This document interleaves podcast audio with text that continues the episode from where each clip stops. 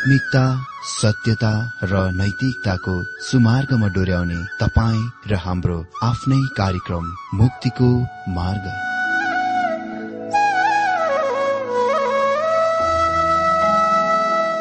आदरणीय श्रोता यस मुक्तिको मार्ग कार्यक्रममा हार्दिक स्वागत छ। आशा छ यस आत्मिक कार्यक्रमद्वारा जीवनमा आत्मिक आशिष अलौकिक शान्ति र आनन्द प्राप्त गर्नुहुनेछ। र जीवनमा धन्य अनुभव गर्नुहुनेछ। आउनुहोस् श्रोता मन र आत्माको तयारीको लागि यो मिठो अनि मधुर भजन गीत सुनौ।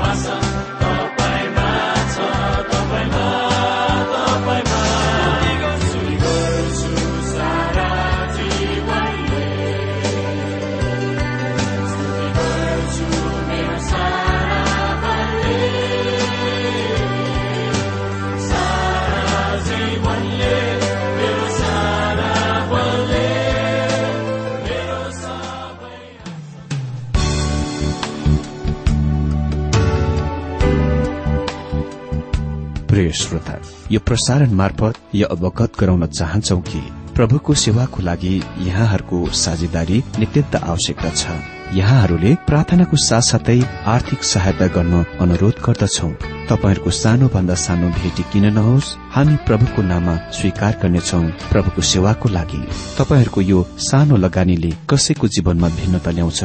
अनि प्रभुको महिमा हुन्छ। प्रभु तपाईँहरूलाई महान गरी आशिष दिनुहुनेछ। इच्छुक श्रोताहरूले तपाईँको इच्छा भेटी हाम्रो ठेगानामा पठाउन सक्नुहुन्छ जुन ठेगाना हामी कार्यक्रमको अन्तमा दिनेछौं।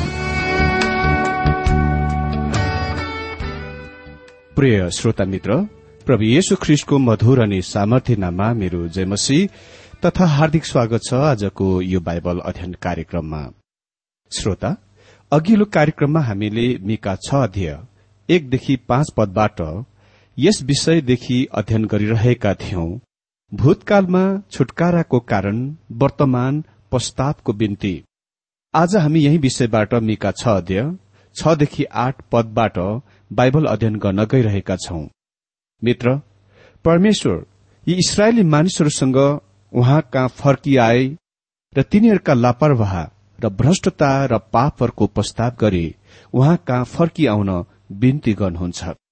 उहाँले भूतकालमा तिनीहरूलाई उहाँका महान छुटकाराको पद एकदेखि पाँच पदमा याद दिलाइसक्नु भएको छ। र कसरी उहाँले तिनीहरूलाई मिश्रको मुलुकबाट छुटकारा दिनुभयो र उजाड स्थान यात्रामा डोर्याउनुभयो? अहिले यहाँ यी मानिसहरूले सोधेका चार प्रश्नहरू छन् र तिनीहरू असल प्रश्नहरू हुन्। अनि तिनीहरूलाई दिएका ती उत्तरहरू सबै महत्वपूर्ण छन्। मिका छ अध्यायको छ पदमा लेखिएको छ के लिएर म परमप्रभुको सामु आऊ र उच्च भएका परमेश्वरको सामु निहुरौं के एक वर्षे बाछाहरू लिएर होम बलि चढाउनलाई म उहाँको सामु आऊ मानिसहरूको पहिलो प्रश्न हो के लिएर म परमप्रभुको सामु आऊ? र उच्चमा वा सर्वोच्चमा रहने परमेश्वरको सामुने नेउर्यौं अर्को शब्दमा परमेश्वरलाई के भयो? किन हामीसँग उहाँ बेखुसी हुनुभएको छ त?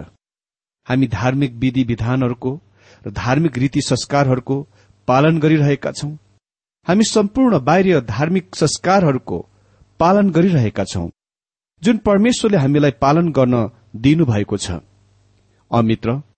तर परमेश्वरले तिनीहरूलाई आफै स्वयंसँगको सम्बन्ध पनि दिनुभएको थियो जुन तिनीहरूले गुमाए। यो प्रश्न हो फेरि के लिएर म परमप्रभुको सामु आऊ र सर्वोच्च परमेश्वरको सामने न्यौरौं? म परमेश्वर कहाँ के ल्याउन सक्छु? म उहाँलाई के दिन सक्छु? उहाँ माथि स्वर्गीयमा हुनुहुन्छ। म चाहिँ यहाँ तल। म कसरी उहाँ कहाँ पुग्नेछु त? म उहाँसँग कसरी संचार आदान प्रदान गर्नेछु? म कसरी उहाँसँग सम्पर्क बनाउनेछु? म कसरी उहाँलाई खुसी तुल्याउ? र म कसरी उद्धार पाउनेछु? मित्र फिलिपको वा फिलिपीको जेलर जो अन्य जाति थिए तिनले सोधे उद्धार पाउनलाई मैले के गर्नुपर्छ? म परमेश्वरसँग कसरी सही हुन सक्छु? यो असल प्रश्न हो। यो प्रश्नसँग कुनै खराबी छैन गल्ती छैन। मानिसहरूको दोस्रो प्रश्न हो के एक वर्षे बाछो लिएर होम बलि चढाउनलाई म उहाँको सामु आऊ? परमेश्वरले तिनीहरूबाट बलिदानको माग गर्नुभएको थियो। परमेश्वरले तिनीहरूलाई लेबीको पुस्तकको पहिलो भागमा पाँच भेटीहरू बलिहरू दिनुभयो जुन तिनीहरूले चढाउनु पर्ने थियो। अनि जुनहरू चाहिँ उहाँ कहाँ पुग्ने बाटो हुने थियो। त्यसकारण तिनीहरूले प्रश्न सोधे के यो खाली धर्मको बाहिर विधि रीतिमा भएर जान मात्र काफी वा पर्याप्त छ? मानिसको तर्कले सधैँ एउटा कुरातिर झार्दछ कि मैले परमेश्वरको निम्ति केही गर्नै पर्छ भन्नेमा। उहाँ मैले केही गरेको चाहनुहुन्छ भन्नेमा। म तपाईँलाई भनौं यसले सम्भवत केही अन्य कुरा भन्दा धेरै मानिसहरूको घमण्डी हृदयको प्रकट गर्दछ। हामी परमेश्वरको लागि केही गर्न चाहन्छौ। हामी जब उदार चितका हुन्छौं र दान भेटिदिन्छौं हामी आफ्नो हृदयभित्र न्यानो खुशीको आभास गर्छौं। उद्धार नपाएका मानिसले भन्छ म मण्डलीमा जान्छु वास्तवमा म मण्डलीको सदस्य हुँ। म मण्डलीलाई उद्धार चित्तले दिन्छु जब तिनीहरूले मलाई केही गर्न भन्छन् म त्यसको गरिहाल्छु। म सभ्य व्यक्ति हुँ र मानिसहरूसँग झै झगडा गर्दिन। म सबैसँग मिल्दछु। म त्यो मानिस हुँ जसले सबैलाई आदर गर्छ र जसलाई सबैले मन पराउँछन्। अहिले परमेश्वरले मबाट के चाहनुहुन्छ? के म अरू केही कुरा छ गर्नलाई मसँग? मलाई यस्तो लाग्दैन कि मैले केही त्यस्तो काम गर्नुपर्छ। मैले सबै गरिसकेको छु। हजुर हामी सोच्दछौ उद्धार पाउनलाई मैले के गर्नुपर्छ त? मानिसहरू येसुका आएर सोधे युहना छको अठाइस र उन्तिस पदमा परमेश्वरका कामहरू गर्नको निम्ति हामी के गरौं? येसुले जवाब दिएर तिनीहरूलाई भन्नुभयो जसलाई उहाँले पठाउनु भएको छ उनैमाथि तिमीहरू विश्वास गर। उहाँले भनिरहनु भएको छ प्रेरित सोह्रको एकतीस पदमा प्रभु येशु ख्रिष्टमा विश्वास गर र तिमीले उद्धार पाउनेछौ। त्यो मात्र त्यो एक काम हो परमेश्वर तपाईँलाई गर्न भनिरहनु भएको छ। त्यो हो विश्वास। विश्वास कामहरूको ठिक विपरीत हो। उद्धार गर्ने विश्वासले कामहरूको उत्पादन गर्दछ तर यसले निश्चय नै उद्धारको उत्पन्न गर्दैन। तपाईँका कामहरूले तपाईँको उद्धारसँग गर्नुपर्ने कुनै सरोकार छैन। यो इसरायलका सन्तानका दोस्रो प्रश्न हो र यो मानिसको सामान्य प्रश्न हो। मानिसहरूले अहिले तेस्रो प्रश्न सोध्छन्। सात पदमा के परमप्रभु हजारौं भेड़ाहरू र तेलका दश हजार नदीसित प्रसन्न हुनुहुन्छ र के म आफ्नो अपराधको लागि मेरो जेठो छोरालाई र मेरो प्राणको पापको लागि मेरो शरीरको फललाई चढाउ भन्छन् के परमप्रभु हजारौं भेड़ाहरू र तेलका लाखौं नदीसित खुशी हुनुहुन्छ? अहिले यो उद्धार दिलको हुने कुरा हो होइन र? अर्को शब्दमा तिनीहरू सोध्दछन् के हामीले परमेश्वरको लागि पर्याप्त काम गरेका छैनौं? के हामीले उहाँलाई खुशी तुल्याउन प्रयास गर्नको लागि अझ अधिक धेरै गर्नुपर्छ? हामी आज धेरैका मुखबाट उस्तै प्रश्न सोधेका सुन्छौ। प्रश्न गरेका सुन्छौ। सालौं वर्ष पहिले म एकजना धनी मानिससित भलिबल खेल्ने गर्थे जो वाइएमसीए का सदस्य थिए। अनि यो क्रिसमस समय निकट थियो र उसले मलाई भन्यो मेरो धर्म के हो सो तपाईँलाई म थाहा गराएको चाहन्छु। म उद्धार हुने कुरामा विश्वास गर्छु। प्रत्येक क्रिसमसमा मेरा नोकरहरू मेरो कर्मचारी कामदारीहरूलाई म बोनस दिन्छु। र म त्यस फल्ना फल्ना कामको निम्ति र त्यो फल्ना फल्ना कामको निम्ति दिन्छु। म मेरो मण्डलीलाई पनि दिन्छु। अरू के चाहिँ परमेश्वर मलाई गर्नलाई सोध्नुहुन्छ त्योभन्दा अलावा? अर्को शब्दमा मैले पर्याप्त कुरा गरिसकेको छु। परमेश्वरको सम्बन्धमा अति नै धेरै पैसा दिने खर्च गर्नेवाला हुँ म। हजुर म यी सबै गरिरहेको छु। अब परमेश्वरले के चाहिँ अरू कुरा गर्नलाई माग गर्नुहुन्छ मबाट? यो प्रश्न हो। के यो हो कि हामीले गर्ने कुनै पनि काममा धेरै उदार दिलको हुनुपर्छ? के त्यो हाम्रो समस्या हो? धेरै मानिसहरूले यसको यसरी व्यक्त गर्दछन्।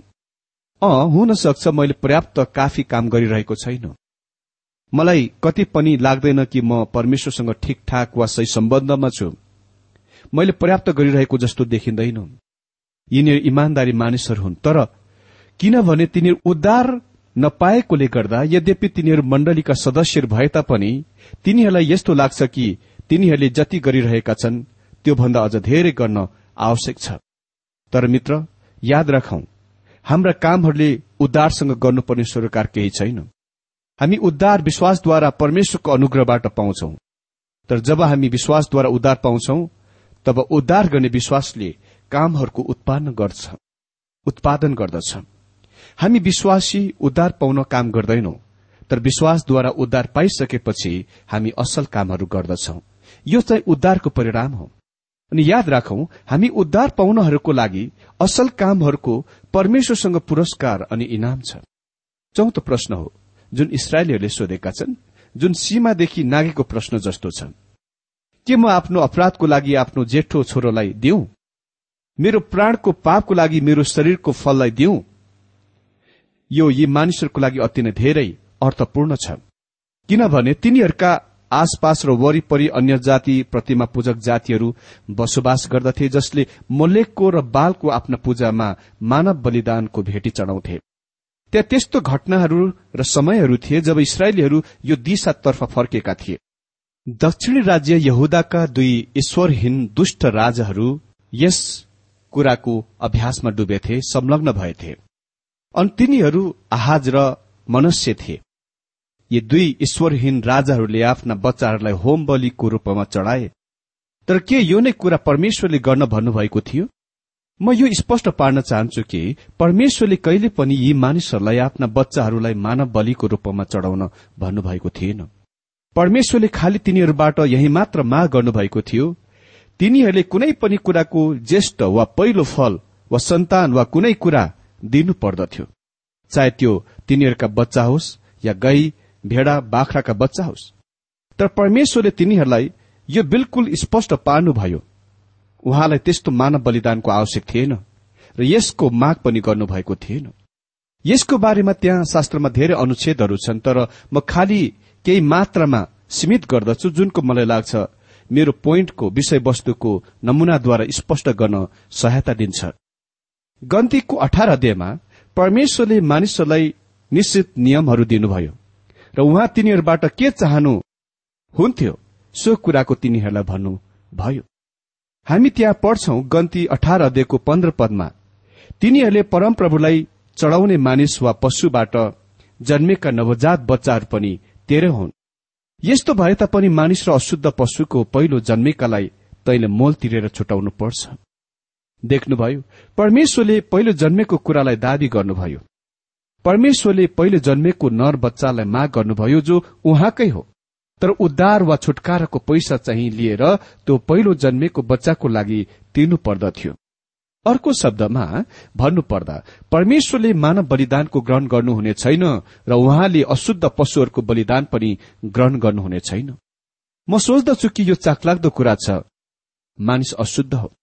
हामी क्रिस्चियन जगतमा धेरै जसो हाम्रा बच्चाहरूलाई प्रभुमा समर्पित गर्ने अभ्यास गर्छौं। अनि मलाई लाग्छ यो गर्न उक्तम कुरा हो। अनि मैले आफ्ना दुई साना छोरा र छोरीलाई प्रभुको निम्ति समर्पण गरेको छु। तर मित्र यसले यो निश्चय दिँदैन कि प्रभुमा समर्पित गरिएका सम्पूर्ण बालकहरू पछि गएर सबै असल प्रभुका महान भक्तजनहरू हुनेछन्। एकजना प्रभुका महान जनले यसै प्रसंगमा बताइरहनु भएको थियो। मैले आफ्नो जीवनकालभरि हजारौं बच्चाहरूलाई प्रभुमा समर्पण गर्ने मौका पाएँ। अनि कोही कोही चाहिँ अति नै असल व्यक्ति आत्मिक भक्तजनहरू छन्। अनि मैले धेरैजनालाई भेटेको छु जसलाई बच्चा हुँदा मैले प्रभुमा समर्पण गरेको थिएँ। तर मैले धेरै त्यस्ता मानिसहरूलाई पनि प्रभुको निम्ति समर्पण गरे जो अहिले जेल खानमा थुनुवामा थुनिएर बसेका छन्। मित्र हाम्रा बच्चाहरूलाई परमेश्वर कहाँ समर्पण गर्ने काम असल कुरा हो तर यसले यो निश्चय दिँदैन कि तिनीहरू भविष्यमा असल मानिसहरू हुनेछन्। तर हामी तिनीहरूलाई सानै बच्चादेखि ईश्वरीय वातावरणमा लालन पालन गर्यौं भने र तिनीहरूको निम्ति निरन्तर प्रार्थना गर्यौं भने म विश्वास गर्दछु कि निश्चय नै तिनीहरू भविष्यमा असल प्रभुभक्त हुनेछन्। पुरानो नियममा परमेश्वरले भन्नुभयो तिमीहरूले बच्चाको छुटकारा दिनुपर्छ मुक्त गर्नुपर्छ र उसको लागि छुटकाराको पैसा तिर। म उसलाई अहिले लिने छैन। किन? ऊ अशुद्ध जनावर जस्तै हो। ऊ अशुद्ध छ। त्यही नै कारण स्त्रीले संसारमा ल्याउने बच्चा अशुद्ध छ। तिनले संसारमा अशुद्ध कुरा ल्याएकी छिन्। दौले भने भजन संग्रह एकाउन्नको पाँच पदमा। हेर्नुहोस् म अधर्ममा उत्पन्न भए। र पापैमा मेरो आमाले मलाई गर्भधारण गरिन्। परमेश्वरले त्यो बच्चालाई चाहनुहुन्न दावी गर्नुहुन्न जबसम्म उनी उद्धार वा छुटकारा पाएका हुँदैनन्। हामीले हाम्रा बच्चालाई तबसम्म पर्खनु पर्दछ जबसम्म उसले ख्रिष्टलाई आफ्नो उद्धारकर्ताको रूपमा ग्रहण गर्दैन। जब उसले त्यो गर्छ परमेश्वरले त्यस बच्चालाई लिनुहुन्छ र प्रयोग गर्न सक्नुहुन्छ। प्रस्थानमा हामी पढ्छौं तेह्र अध्ययको दुई पदमा मध्येका मानिस र पशुका प्रथम फल अर्थात पहिले जन्मेकाहरू सबैलाई मेरो निम्ति अर्पण गर ती मेरै हुन्। त्यसपछि फेरि लेबी अठारको एक्काइस पदमा हामी पढ्छौं। आफ्ना छोरा छोरी मोलेको निम्ति आगो चढाएर आफ्ना परमेश्वरको नौ अपवित्र नपार। अर्को शब्दमा परमेश्वर भन्नुहुन्छ मानव बलि नचढाऊ तिमीहरूले मलाई अपवित्र पार्छौ यदि तिमीहरूले त्यसो गर्छौ भने। अनि आठ पदमा भनिएको छ यहाँ ए मानिस जे असल छ त्यो उहाँले तँलाई देखाउनु भएको छ। र परमप्रभुले तँबाट के चाहनुहुन्छ केवल यति ठिकसित काम गर्नु र कृपालाई प्रेम गर्नु र तेरा परमेश्वरसित विनम्र भएर हिँड्नु। यो पद स्वतन्त्रवादी अर्थात लिबरलहरूको हर्ष र खुशीको पद हो किनभने तिनीहरू सोच्दछन् कि यसले कामको धर्मको पेश गर्दछन् र यसले सिकाउँछ कि मानिस उसका कामहरूद्वारा उद्धार पाउन सक्छ। निकाले यहाँ वास्तवमा ती धेरै उत्तरी राज्य इसरायलका इमान्दारी मानिसहरूका प्रश्नहरूका उत्तर दिइरहेका छन् जो अन्धकारमा थिए जसलाई परमेश्वरको वचन सिकाइएको थिएन। तिनीहरू जान्न चाहन्थे कि कसरी परमेश्वर कहाँ आउने? तिनीहरू जान्न चाहन्थे यसको लागि तिनीहरूले होम बलि र धेरै बलि भेटीहरू ल्याउनु पर्ने हो कि? या आफ्ना बच्चालाई मानव बलिको रूपमा ल्याउनु पर्ने हो कि? निकाले यो प्रश्नका उत्तर दिन्छन्। यी कुनै कुरा परमेश्वरलाई आवश्यक छैन। आन्तरिक अनुभव बेगर भित्री वास्तविकता बेगर बाहिर धर्म पूर्ण रूपमा अर्थविहीन र महत्वविहीन छ। आन्तरिक अनुभव बेगर वास्तविकता बेगर बाहिर धर्म पूर्ण रूपमा अर्थविहीन र महत्वहीन छ। त्यहाँ नयाँ जन्म हुनै पर्छ र प्रत्येक व्यक्ति विशेषलाई नयाँ स्वभाव दिनै पर्छ। बाहिर देखावटी क्रियाकलापहरू महत्वपूर्णका छैनन्। परमेश्वर कहिले पनि त्यहाँ आरम्भ गर्नुहुन्न। यदि तपाईँ जान्न चाहनुहुन्छ कि परमेश्वर कुन कुरामा आनन्द लिनुहुन्छ उहाँ मानिसबाट के चाहनुहुन्छ? यो पदले तपाईँलाई भन्नेछ। हामी यस पदलाई विवरणमा होसियारपूर्वक विचार गरौं। म विशेष गरेर स्वतन्त्रवादी अर्थात लिबरलहरूलाई र ती मानिसहरूलाई यो भन्न चाहन्छु जो विश्वास गर्छन् कि असल कामहरूद्वारा उद्धार पाइँदछ। यो कदापि हुन सक्दैन। सर्वप्रथममा यसद्वारा असम्भव छ अनि दोस्रो चाहिँ किनभने इमान्दारीपूर्वक पूरा गर्दा तपाईँसँग कुनै असल कामहरू छैन। किनभने त्यो गर्न सक्नुहुन्न। ध्यान लगाएर सुन्नुहोस् ए मानिस जे असल छ त्यो उहाँले तँलाई देखाउनु भएको छ। हामीले यो कुराको ध्यान दिनुपर्छ कि सर्वप्रथममा यो मानिसलाई सम्बोधन गरिएको हो। यसको मतलब केवल इसरायलका सन्तानहरूलाई मात्र होइन तर संसारका सबै मानिसहरूलाई। यिनै तीन कुराहरू हुन् जुन परमेश्वर चाहनुहुन्छ। पहिलो न्याय गर्नु। मतलब तपाईँसँग परमेश्वरलाई पेश गर्ने धार्मिकता हुनै पर्छ। तपाईँ धर्मी मानिस हुनै पर्छ। तपाईँ आफ्ना सङ्गीसँग अन्य मानिससँग आफ्नो व्यवहारमा धर्मी हुनुपर्छ। तपाईँ इमान्दार र सत्य हुनुपर्छ। दोस्रो तपाईँ दयालु कृपालु हुनुपर्छ। मतलब तपाईँ खालि परमेश्वरको दयाको मात्र प्रेम गर्नुहुन्न तर अरूसँग आफ्नो व्यवहारमा दयालु हुनुपर्छ। र तेस्रो तपाईँ परमेश्वरसँग नम्र भएर हिँड्नुपर्छ। तपाईँ कसरी यी कुरा गर्नुहुनेछ त? के तपाईँ यी कुरा आफ्नै सामर्थ्यमा गर्न सक्नुहुन्छ? के तपाईँ सोच्नुहुन्छ कि तपाईँ यी कुराहरूलाई परमेश्वर बेगर पनि गर्न सक्नुहुन्छ? के तपाईँ सोच्नुहुन्छ कि परमेश्वरले उद्धार बेगर तपाईँ ती कुराहरू गर्न सक्नुहुन्छ? यदि तपाईँ गर्न सक्नुभयो म तपाईँलाई कठोर वचन भन्न गइरहेको छु। तपाईँ पाखण्डी हुनुहुन्छ। मलाई यो नभन्नुहोस् कि तपाईँ नैतिक नियमद्वारा परमेश्वरको शक्ति बेगर जिउन सक्नुहुन्छ। यसको साधारण कारण यो हो कि सबै पवित्र आत्माका फलहरू हुन्। गलती पाँच अध्यय बाइस र तेइस पदमा भनिएको छ तर आत्माका फल हो प्रेम आनन्द मेलमिलाप सहनशीलता कृपा भलाइ विश्वास नम्रता अनि स्वयं यी तीनै कुरा जुन मिकाले सूचित गर्दछन् विश्वासीहरूको जीवनमा पवित्र आत्माको काम हो। हामी कोहीसँग आज यस जीवनमा यी कुराहरू छैन। आउनुहोस् नयाँ टिमतिर फर्कौं र यसको बारेमा त्यहाँ के भनिएको छ सो हेरौं। व्यवस्था मुनि रहने मानिसको कुरा सुनौ। प्रेरित पन्ध्र अध्यायमा जब प्रेरितले उद्धार पाउनलाई अन्य जाति विश्वासीहरू व्यवस्थाको पालन गर्नुपर्छ या पर्दैन सो सम्बन्धमा निर्णय गरिरहेका थिए सिमन पत्रुस खड़ा भएर भने पन्ध्र अध्यायको एघारमा तर हामी विश्वास गर्दछौ प्रभु येशु ख्रिस्टको अनुग्रहद्वारा हामीहरूले मुक्ति पाउँछौ। त्यसरी नै उनीहरूले पनि उसले किन त्यो भने त?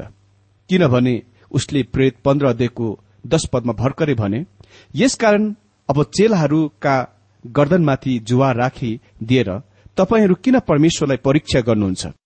जुन जुवालाई न त हाम्रा पुर्खाहरूले न त हामीले नै बोक्न सक्छौ।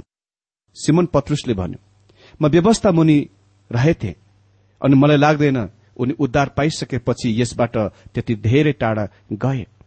तैपनि म यसको नापसम्म नापिन सक्दिन। मतलब यसको पालन गर्न सक्दिन। परमेश्वरले यसको प्रेत पावलद्वारा पनि स्पष्ट बनाउनुभयो। रोमी आठ अध्ययको पाँचदेखि नौ पदमा। किनकि शारीरिकहरू शरीरकै कुराहरूमा मन लगाउँछन्। किनकि शरीरमा मन लगाउनु चाहिँ मृत्यु हो तर आत्मामा मन लगाउनु चाहिँ जीवन र शक्ति हो। किनभने शरीरमा मन लगाउनु चाहिँ परमेश्वरसँग दुश्मन गर्नु हो। किनकि शारीरिक मन परमेश्वरको व्यवस्थाको अधीनतामा छैन किनकि यो हुन सक्दैन। यसकारण जो शरीरमा छन् तिनीहरूले परमेश्वरलाई खुशी पार्न सक्दैनन्। तर साँच्चै परमेश्वरका आत्मा तिमीहरूभित्र बास गर्नुहुन्छ भने तिमीहरू शरीरमा छैनौ तर आत्मामा छौ।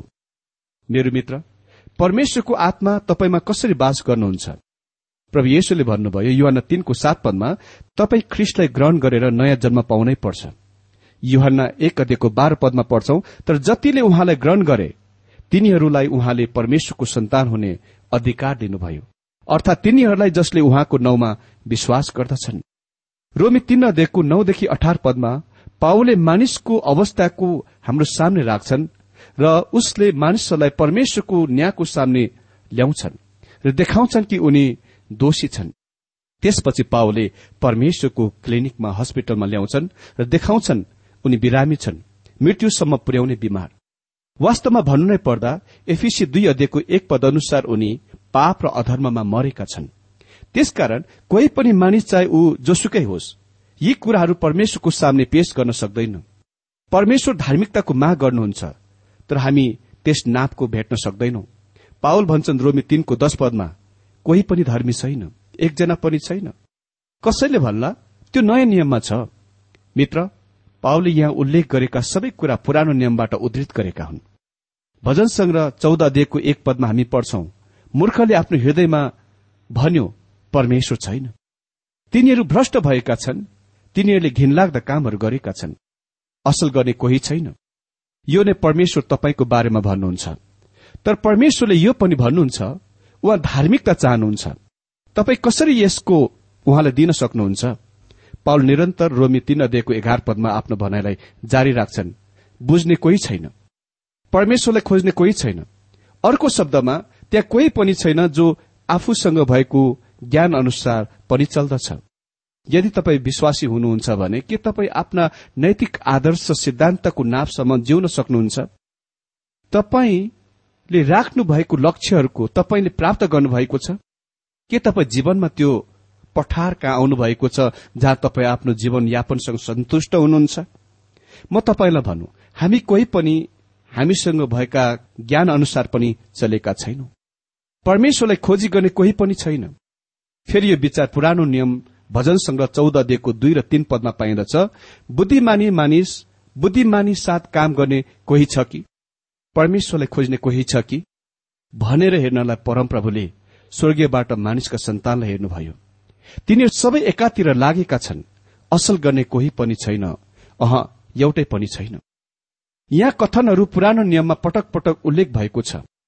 मित्र धार्मिकता नै परमेश्वर चाहनुहुन्छ माग गर्नुहुन्छ तर पुरानो नियमले यो स्पष्ट पार्दछ। हामी हाम्रा धार्मिकतालाई परमेश्वर कहाँ पेश गर्न सक्दैनौ। किनभने हामीसँग कुनै पनि धार्मिकता छैन। जबकि परमेश्वरले धार्मिकताको माग गर्नुभएकोले गर्दा जीवनमा परिवर्तन हुनै पर्छ किनभने त्यहाँ कोही पनि धर्मी छैन। हामीलाई भनिएको छ रोमी चार अध्ययको पच्चिस पदमा येशु ख्रिष्ट हाम्रो अधर्महरूको निम्ति मर्नु सुम्पिनुभयो र हामी धर्मी ठरिनलाई बिउतर्नुभयो प्रभु येशु ख्रिष्ट हाम्रो धार्मिकताको निम्ति बिउताउनुभयो किनकि ताकि हामी धार्मिकता पाउन सकौं ताकि परमेश्वरको आत्माद्वारा हामी हाम्रा जीवनहरूमा धार्मिकता उत्पन्न गर्न सकौं। दया वा कृपा गर। हामीसँग त्यो हाम्रो मानव हृदयमा छैन। हामी पाप र अधर्महरूमा मरेका छौं। पावल रोमी तीन अध्ययको बाह्र पदमा भन्छन् तिनीहरू सबै बाटोदेखि भड्किएका छन्। तिनीहरू एकै साथ बेकममा भएका छन्। असल काम गर्ने कोही छैन। एउटै पनि छैन। यो मानिसको तस्विर हो अनि त्यो नै आज मानिस हो। अनि यो उही कुराको यसैयाद्वारा पनि पेश गरिएको छ छप्पन्न अध्ययको तीन पदमा। हामी सबै भेडा झै बरालेका छौं। हामी आफ्नै बाटोतिर लागेका छौं। र परमप्रभुले उसमाथि हाम्रा सबै अधर्म हालिदिनुभयो। निश्चय नै हामीसँग पाप अधर्म छ नत्र यसैयाले यस्तो कथन बनाउने थिएनन्। त्यसकारण पाखण्डी नबनौ। जब हामी यो मिकाको छ अध्ययको आठ पदमा आउँछौ जुनले हामीलाई भन्छ हामी हाम्रा परमेश्वरसँग नम्रसँग हिँड्नुपर्छ। कोही पनि परमेश्वरलाई खोज्ने छैन बरु हामी हाम्रै आफ्नै तरिकामा उहाँका आउन चाहन्छौ। म यो सम्पूर्ण नम्र भावमा भन्न चाहन्छु तर मलाई लाग्छ यसले कोही कोहीलाई अचम्बित पार्दछ र आज तिनीहरूको अवस्थाबाट तिनीहरूलाई ब्यौताउनेछ यदि तपाईँ विश्वास गर्नुहुन्छ कि तपाईँको मण्डली सदस्यता वा तपाईँको चरित्र वा तपाईँको असल कामहरूले तपाईँ परमेश्वर कहाँ पुर्याउनेछ तब म तपाईँलाई भनौँ तपाईँ परमेश्वरको बाटो र तरिकालाई छोडेर आफ्नै तरिकामा गइरहनु भएको छ हिँडिरहनु भएको छ। प्रभु येशुले भन्नुभयो बाटो सत्य र जीवन म नै हुँ। म कहाँद्वारा बाहेक पिता कहाँ जान सक्दैन? अनि हामी परमेश्वर कहाँ? खालि येशु ख्रिस्टद्वारा मात्र पुग्न सक्छौं।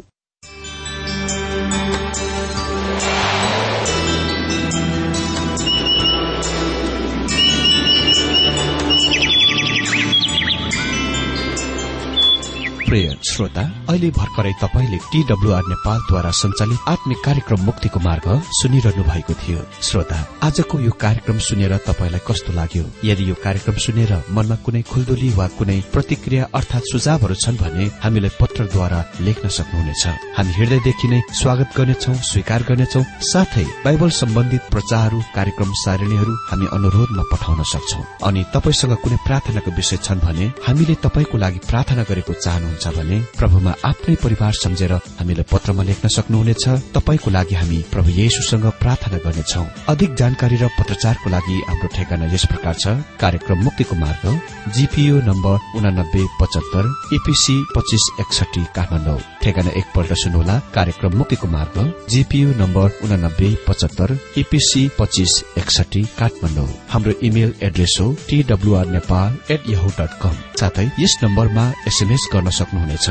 अन्ठानब्बे चार सत्तरी पैंतिस छ सय उनासी नौ आठ चार सात जिरो तीन पाँच छ सात नौ। हुन्छ श्रोता आजलाई हामी विदा चाहन्छौ। अर्को कार्यक्रममा हामी पुनः भेट्नेछौ तबसम्मलाई नमस्कार।